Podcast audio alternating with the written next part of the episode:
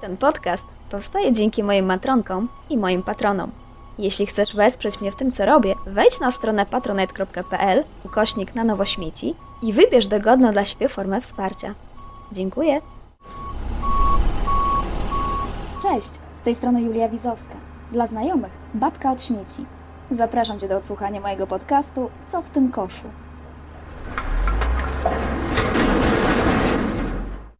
Dlaczego rosną opłaty za wywóz odpadów?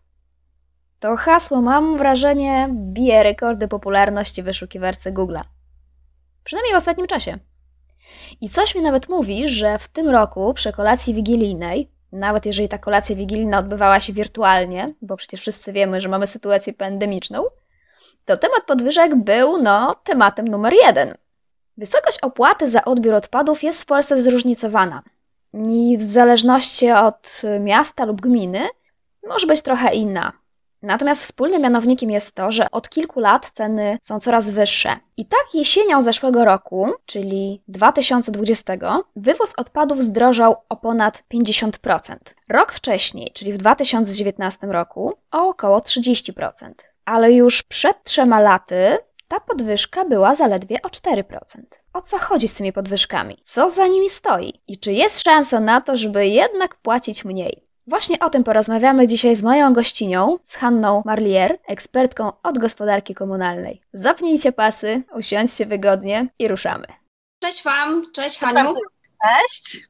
Wiesz co, ja mam w programie taką e, tradycję, że gości przedstawiają się, mówią parę słów o sobie, no więc z wykształcenia jestem biologiem środowiska i na szczęście udało mi się e, skończyć studia, które były moją pasją, ale też kontynuować e, rozwój zawodowy w kierunku właśnie tej pasji. I w taki oto sposób trafiłam do sektora gospodarki komunalnej czy gospodarki odpadami. Od początku swojej kariery zawodowej, e, czyli już ponad 15 lat, zajmuję się właśnie gospodarką komunalną ze szczególnym uwzględnieniem do śmieci. No właśnie, słuchaj, o tych odpadach chciałabym z Tobą dzisiaj porozmawiać, bo generalnie takim tematem e, ostatnich e, miesięcy właściwie jest e, podwyżka. Podwyżka z wywóz odpadów to jest temat, który budzi niesamowicie duże emocje, bo drożeje, bo kosztuje nie wiadomo ile. No i właśnie chciałabym zajrzeć dzisiaj pod tą drugą stronę kosza i jakby się przyjrzeć temu, dlaczego odpady mm, drożeją. Czy masz tak na starcie jakieś kilka takich powodów najważniejszych, które się za tym kryją? Przede wszystkim to bardzo dobrze, że drożeją. W tej chwili, jak coś nas kosztuje i ten koszt jest dla nas odczuwalny, to my zaczynamy sobie zdawać z tego czegoś sprawę. Skoro nasze społeczeństwo nie jest na tyle dojrzałe, żeby z własnej, nieprzymuszonej woli dbać o stan środowiska, no to trzeba wprowadzić takie mechanizmy, które tę dobrą wolę wspomogą a najłatwiejszym mechanizmem jest po prostu kieszeń, tak? Więc obserwujemy działanie przez kieszeń w zakresie wody, ścieków, wody deszczowej, e, w zakresie czystego powietrza. To są czasem działania pozytywne, czyli dawanie nam jakichś pieniędzy na inwestycje, na przykład e, programy, które dają pewną, pewien procent pieniądza na instalację fotowoltaiczną, czy gminy dostają pieniądze na modernizację sieci wodociągowo-kanalizacyjnej, albo ten mechanizm jest wykorzystywany negatywnie, e, czyli obciąża nas się dodatkową opłatą po to, żebyśmy poczuli ciężar oddziaływania na środowisko. I w takiej sytuacji jesteśmy, jeśli chodzi o wodę i ścieki, które też, przypomnę tym, którzy nie pamiętają, 10-12 lat temu zaczęły gwałtownie drożeć. I również przechodziliśmy dokładnie przez ten sam mechanizm, przez który przechodzimy teraz w śmieciach, czyli z rozliczeń jakichś tam ryczałtowych na rozliczenia według zużytej wody. I to tak samo bolało. Ja pamiętam, ja wtedy mieszkałam w spółdzielni mieszkaniowej i długo licznika nie montowaliśmy, no bo nie musieliśmy. Ten przelicznik na mieszkańca był dla nas bardzo komfortowy finansowo i w końcu ten przelicznik został tak e, skalkulowany, że jak dostaliśmy pierwszy rachunek ze spółdzielni, to natychmiast wzywaliśmy pana, który nam ten licznik założył. Trochę mamy z tym samym do czynienia, tak? Czyli próby, groźby, prośby, nie pomogły, bo odpadów generujemy bardzo dużo i coraz więcej. O ile odpady przemysłowe są zagospodarowywane w coraz większym zakresie, o tyle problem naprawdę jest w odpadach komunalnych, których tylko wysoka jakość i intensywna, selektywna zbiórka pozwala na ich dalsze zagospodarowanie w procesach recyklingu. No i nadal zbieramy selektywnie 20 do 30% strumienia wytwarzanych odpadów, a odpadów wytwarzamy z roku na rok coraz więcej. Więc no, konieczne było znalezienie pewnych narzędzi, które nas do tego dużo bardziej skutecznie nakłonią. No i ten mechanizm finansowy jest jednym z bardziej skutecznych mechanizmów, e, o czym świadczy właśnie ten szum i rumor od, no już powiem, prawie dwóch lat, bo w niektórych gminach te opłaty zaczęły gwałtownie rosnąć już dwa lata temu. Ja tu się wstawię tak e, w miejsce mieszkańca. No to jest taki argument, że no zaraz, zaraz, wprowadzają nam nowe zasady segregacji. To ja muszę w domu znaleźć miejsce na dodatkowe pojemniki. Ja muszę wiedzieć, jak się segreguje. Ja muszę swoje, swoją energię włożyć w to, żeby się naumieć tej segregacji, żeby to robić na co dzień i jeszcze mam płacić coraz więcej. No tak, no bo do tej pory. Nie ponosiliśmy faktycznych kosztów zagospodarowania odpadów. Te niskie opłaty, one nie odzwierciedlały kosztów systemu i były trochę na siłę zaniżane. Gminy miały możliwość jeszcze kilka lat temu dopłacania z innych źródeł, jakoś prób bilansowania tego systemu w inny sposób. Gdzieś tam w przetargach wygrał jeszcze jakiś e, lokalny mm, pseudo-przedsiębiorca, który nie do końca zagospodarował te odpady e, na instalacji, która ma do tego pełne prawa. I teraz to, z czym mamy do czynienia dziś, to jest efekt pewnych systemowych zmian, do których dochodzi od no, 8 lat na pewno. Czyli w pierwszej kolejności wybudowaliśmy kilkaset instalacji przetwarzania odpadów. Te instalacje siłą rzeczy są droższe niż e, wywiezienie odpadów śmieciarką na składowisko. E, one korzystają z prądu, one korzystają z wody, one zatrudniają ludzi, więc żeby zdeponować e, odpady w sposób bezpieczny, ten proces kosztuje. Czyli mamy pierwszy koszt, którego jeszcze parę lat temu nie było. Dwa, recykler, który przyjmuje odpady do recyklingu, to też nie jest tak, że on dostaje gotowy surowiec, ktoś mu daje złoto i on z tego złota ma zrobić złoty łańcuszek, tak? Czyli on dostaje wartość dodaną. Nie, on dostaje mimo wszystko odpad, którego przetworzenie jest dużo trudniejsze niż surowca pierwotnego, więc też koszt tego przetworzenia jest drogi. Dlatego to wcale nie jest tak, że surowce wtórne, które my wyrzucamy przykładowo do naszego żółtego pojemnika e, są bogactwem narodu i mogą zostać sprzedane za kolosalne pieniądze złym przedsiębiorcom, którzy się na nich wzbogacą. Nie, tam jest połowa to są zanieczyszczenia, które po pierwsze trzeba oddzielić, czyli ponieść koszt pewnej segregacji, e, po drugie te zanieczyszczenia trzeba zagospodarować, czyli ponieść dalszy koszt, po trzecie to co nie jest zanieczyszczeniem, tylko tym potencjalnym surowcem wtórnym trzeba przygotować do transportu, transportu, więc znów ponieść koszt, przetransportować, wjeżdża to na linię i jeszcze ten recykler ostateczny ma koszty włączenia tych odpadów w swój proces produkcyjny, czyli dalszego ich przetwarzania, żeby nadawały się one do wyprodukowania e, tego przysłowiowego worka na śmieci.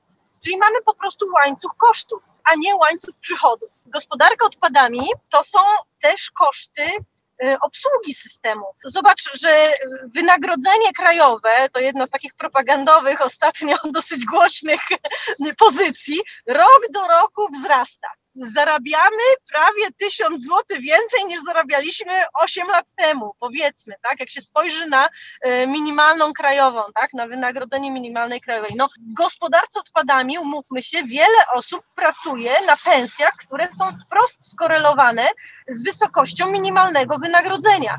Więc jeżeli płaciliśmy 1600 zł brutto, a mamy płacić 2600 brutto, to ten tysiąc złotych wynagrodzenia dla pracownika sortowni, on się znikąd nie bierze. Tak samo jak więcej zarabia pracownik sortowni, więcej zarabia e, kierowca śmieciarki, więcej zarabia pani e, w biurze obsługi klienta, To są po prostu koszty y, awansu społecznego i tego postępu społecznego, w którym jesteśmy. No i trzeci bardzo ważny element kosztowy to są koszty ogólne mediów, czyli w procesach przetwarzania odpadów my zużywamy wodę, prąd i paliwo.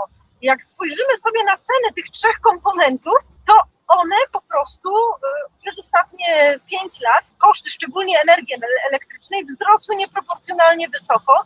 Możemy w gospodarstwach mniej to odczuwamy, ale sektor przedsiębiorstw ma dodatkowe opłaty taryfowe, które naprawdę spowodowały, że, e, że te zakłady dużo, dużo więcej wydają na energię elektryczną. I jak weźmiemy te trzy komponenty cenowe, no to już mamy prawie połowę wartości opłaty za gospodarowanie odpadami, która jest wyjaśniona. Jeżeli by te wartości nie rosły, no to moglibyśmy mówić, że okej, okay, no to, to zbijajmy cenę, zbijajmy cenę. Następnie jest jeszcze jeden element, to są koszty środowiskowe, czyli koszty opłaty marszałkowskiej, koszty podatków za korzystanie ze środowiska. I ta opłata ona dotyczy co prawda tylko 40% e, naszych odpadów, bo tylko tych, które trafiają do składowania.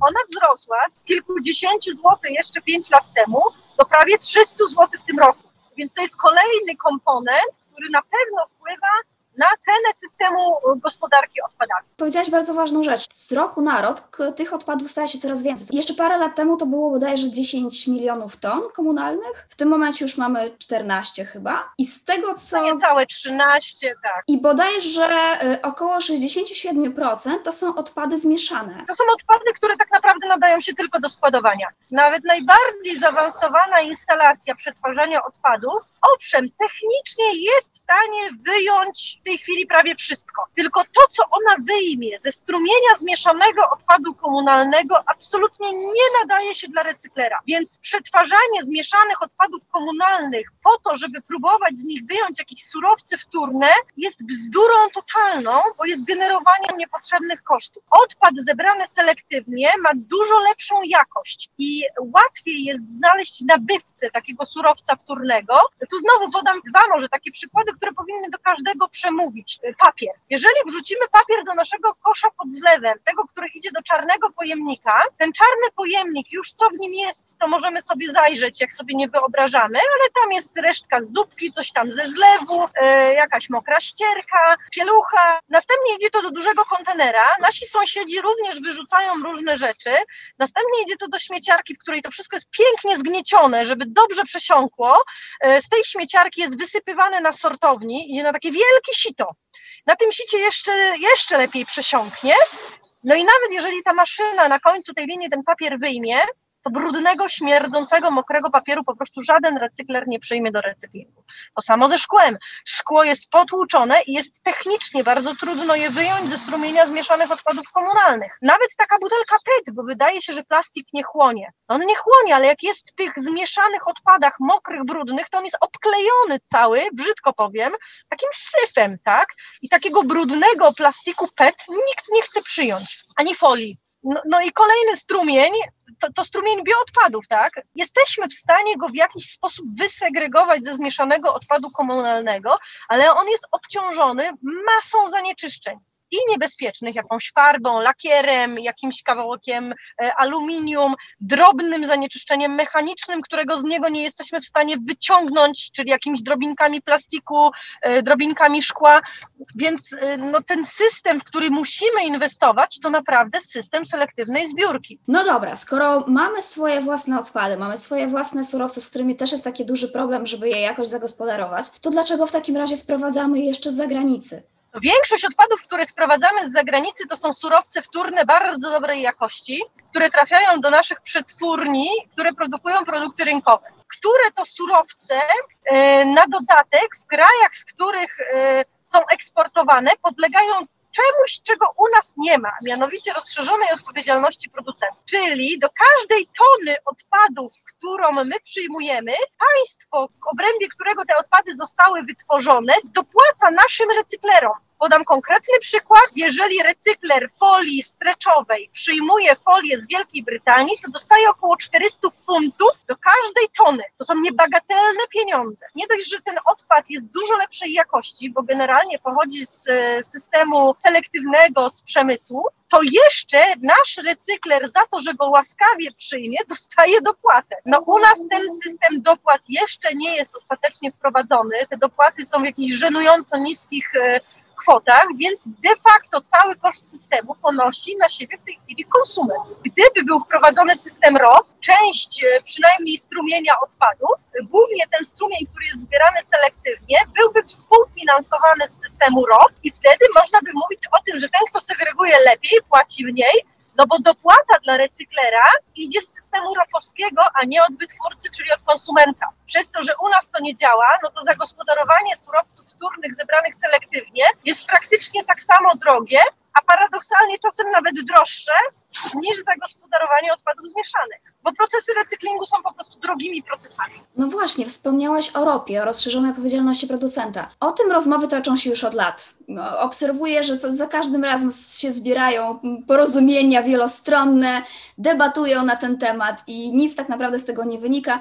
Chyba nawet w lipcu zeszłego roku już miała być jakaś ustawa o ropie w Polsce i do tej pory nie ma tej ustawy. Co tam Czy się Komisja dzieje? Europejska zobowiązała, tak, jak nie wiadomo o co chodzi, to chodzi o pieniądze, tak? To są ogromne grupy interesów. Z jednej strony to są producenci odpadów czy, czy produktów w opakowaniach, którzy muszą kalkulować cenę tego opakowania do ceny produktu, no i wiadomo, walczą o to, żeby to było jak najmniej, no bo oni i tak obciążą konsumenta. Natomiast już jako konsument ja będę miała wybór, czy kupuję pastę do zębów w pojedynczej tubce, czy w tubce opakowanej kartonikiem. Druga walka toczy się o to, kto będzie beneficjentem tej opłaty, bo już kto zapłaci, to wiemy. Teoretycznie producent, w praktyce konsument. Ale na co ta opłata zebrana pójdzie i kto ją ma zbierać? I tu walka się toczy taka trochę nieczysta, powiem, no bo oczywistym jest, kto powinien tę opłatę dostać w głównej mierze recykler, dlatego że to on ponosi koszt przetworzenia tego surowca wtórnego. Natomiast jest drugi komponent kosztowy, to jest system zbiórki. I tu do walki stają samorządy, bo samorządy mówią hello, no my zbieramy te surowce wtórne, no i do tego kawałka tortu są jeszcze producenci, mówią hello, no ale my wprowadzamy ROP, to może my powinniśmy zbierać nasze opakowania i może ten ROP powinien do nas wracać, skoro my go zebraliśmy. Trochę tak się szarpiemy i przeciągamy linę, ale myślę, że y, biorąc pod uwagę zakres pracy w ministerstwie, już jesteśmy bliżej niż dalej. W tej chwili największy koszt przetwarzania odpadów ponosi właśnie konsument. Trochę też chyba y, samorządy do tego się też dokładają. Ale pytanie, jeżeli na przykład będą podwyżki, czy są podwyżki w wielu miejscach, czy samorządy coś z tego zarabiają? Samorządy nie zarabiają na gospodarowaniu odpadami w takim rozumieniu, że z opłat, które pobierają, y, muszą pokryć w 100% koszt systemu. Oczywiście w ramach tego kosztu systemu ujęte jest na przykład wynagrodzenie pani czy pana w referacie gospodarki odpadami, który prowadzi windykację, czy, czy wprowadza system, tak? Uwzględnione są koszty na przykład postępowań przetargowych, czyli pośrednio część niewielka tego pieniądza wpływa pewnie do budżetu gminy i pokrywa na przykład jakiś etat pracownika, ale absolutnie nie jest tak, że gmina bogaci się na wnoszonej przez nas opłacie za gospodarowanie odpadami. Raczej większość gmin do, dopłaca e, z tego powodu, że kalkuluje koszty systemu na podstawie wyniku przetargów z lat wcześniejszych i jakoś próbuje sobie indeksować na rok kolejny. No to jest trochę jak rosyjska ruletka. Nie wiemy, ile to będzie kosztowało, więc zazwyczaj są to koszty niedoszacowane. Mało tego, no samorząd kalkuluje, że ściągnie 100% opłaty, a wiemy, jak to jest z tymi naszymi płatnościami. No właśnie, ja ostatnio dotarłam do informacji, że prawie 10 milionów Polaków nie płaci za odbiór odpadów. Że to są jakieś niebotyczne liczby. Co czwarty?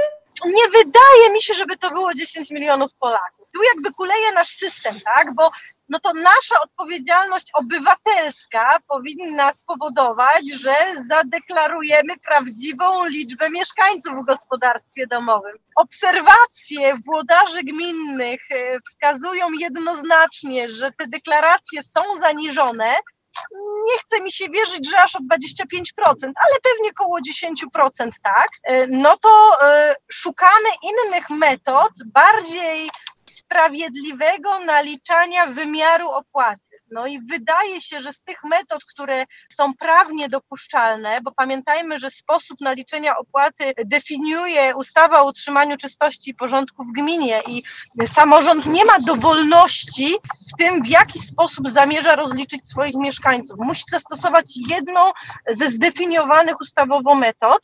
No to wydaje się, że na dzień dzisiejszy najbardziej sprawdza się metoda odwody. No właśnie dlaczego? Dlatego, że konsumpcja wody jest wprost proporcjonalna do poziomu życia. Biedna osoba mniej wody zużywa bo też za nią płaci. Ale biedna osoba zużywa też mniej surowców, mniej odpadów, mniej kupi dzieciom zabawek, mniej kupi jakichś niepotrzebnych rzeczy, mniej się stara wyrzucać. Więc wydaje się, że e, przy tych wszystkich nieszczęśliwych sposobach obliczania ten model odwody jest najmniej nieszczęśliwy z nieszczęśliwych, bo konsumpcja wody, w którym mieszka 10 osób w gospodarstwie, jest zdecydowanie różna od gospodarstwa, gdzie jest jedna osoba, a już powierzchnia mieszkania nie. Także faktycznie jest to metoda, która najbardziej odzwierciedla nie tylko liczbę mieszkańców w danym gospodarstwie domowym, ale też poziom konsumpcjonizmu w tym gospodarstwie, który można wprost proporcjonalnie przełożyć na e, nagromadzenie odpadów. A jest szansa, żeby płacić w ogóle mniej? Nie, taniej już było. Taniej nie będzie. Natomiast jest szansa, żeby przy dobrze zaprojektowanym systemie gospodarki odpadami te ceny nie galopowały w takim tempie, jak im galopują od ostatnich dwóch czy trzech lat. Natomiast to jest wyzwanie nie tyle dla nas, konsumentów, również, ale nie tylko, ale to jest wyzwanie przede wszystkim dla samorządów, które regulują sposoby gospodarki odpadami na swoim terenie i mogą wprowadzić pewne narzędzia i mechanizmy, w wyniku których ustabilizują poziom cen na kolejne lata, na pewno największy nacisk powinien być kładziony na intensyfikację zbiórki bioodpadów. Pierwszy powód jest taki, że bioodpady stanowią wagowo aż 40% naszego standardowego kosza. Czyli zbierając intensywnie bioodpady, jesteśmy w stanie o jedną trzecią zmniejszyć ilość zmieszanych odpadów komunalnych, które po pierwsze nie nadają się do recyklingu, po drugie są bardzo drogie w zagospodarowaniu. Drugi powód jest taki, że to bioodpady zebrane selektywnie, jeżeli trafią do instalacji, która ma możliwość przetwarzania ich e, selektywnego na kompost, robi to taniej niż ze zmieszanym odpadem komunalnym i jednocześnie gmina będzie mogła je rozliczyć w tak zwanym wskaźniku recyklingu, czyli dodatkowo gmina nie będzie obciążona karą finansową za niewypełnienie się z recyklingu, z poziomów recyklingu. I druga rzecz, którą powinny mm, robić samorządy, czy powinny zaproponować samorządy mieszkańcom, to zdecydowanie więcej akcji związanych z najwyższymi e, w hierarchii postępowania z odpadami poziomami, czyli zapobieganie, przygotowanie do ponownego użycia i naprawy. Jak dużo odpadów mogłoby ponownie pójść w ruch i tym odpadem się nie stać? No dobra, fajnie jest ograniczyć, fajnie jest przerabiać na własną rękę, ale skoro mamy wszyscy płacić tyle samo, niezależnie od tego, czy przerobimy, czy ograniczymy, czy pojedziemy, kupimy do własnych woreczków e, jakieś tam sypkie produkty, to i tak można zapłacić tyle samo. Czyli tak jakby mnie to nie mobilizuje wcale, do, znaczy mnie mobilizuje, ale jakby przeciętnego mieszkańca nie mobilizuje do tego, żeby rzeczywiście ograniczać nie mobilizuje aż takiej dużej liczby mieszkańców, żeby było to widoczne, bo tu y, wymagamy jakby wysokiego poziomu kompetencji społecznych i czegoś więcej niż patrzenia na własną kieszeń. Patrzenia troszeczkę na zasadzie, że no taki sobie świat przygotujemy, w jakim będziemy żyć za, nie nasze dzieci, tylko my za 10 lat, tak?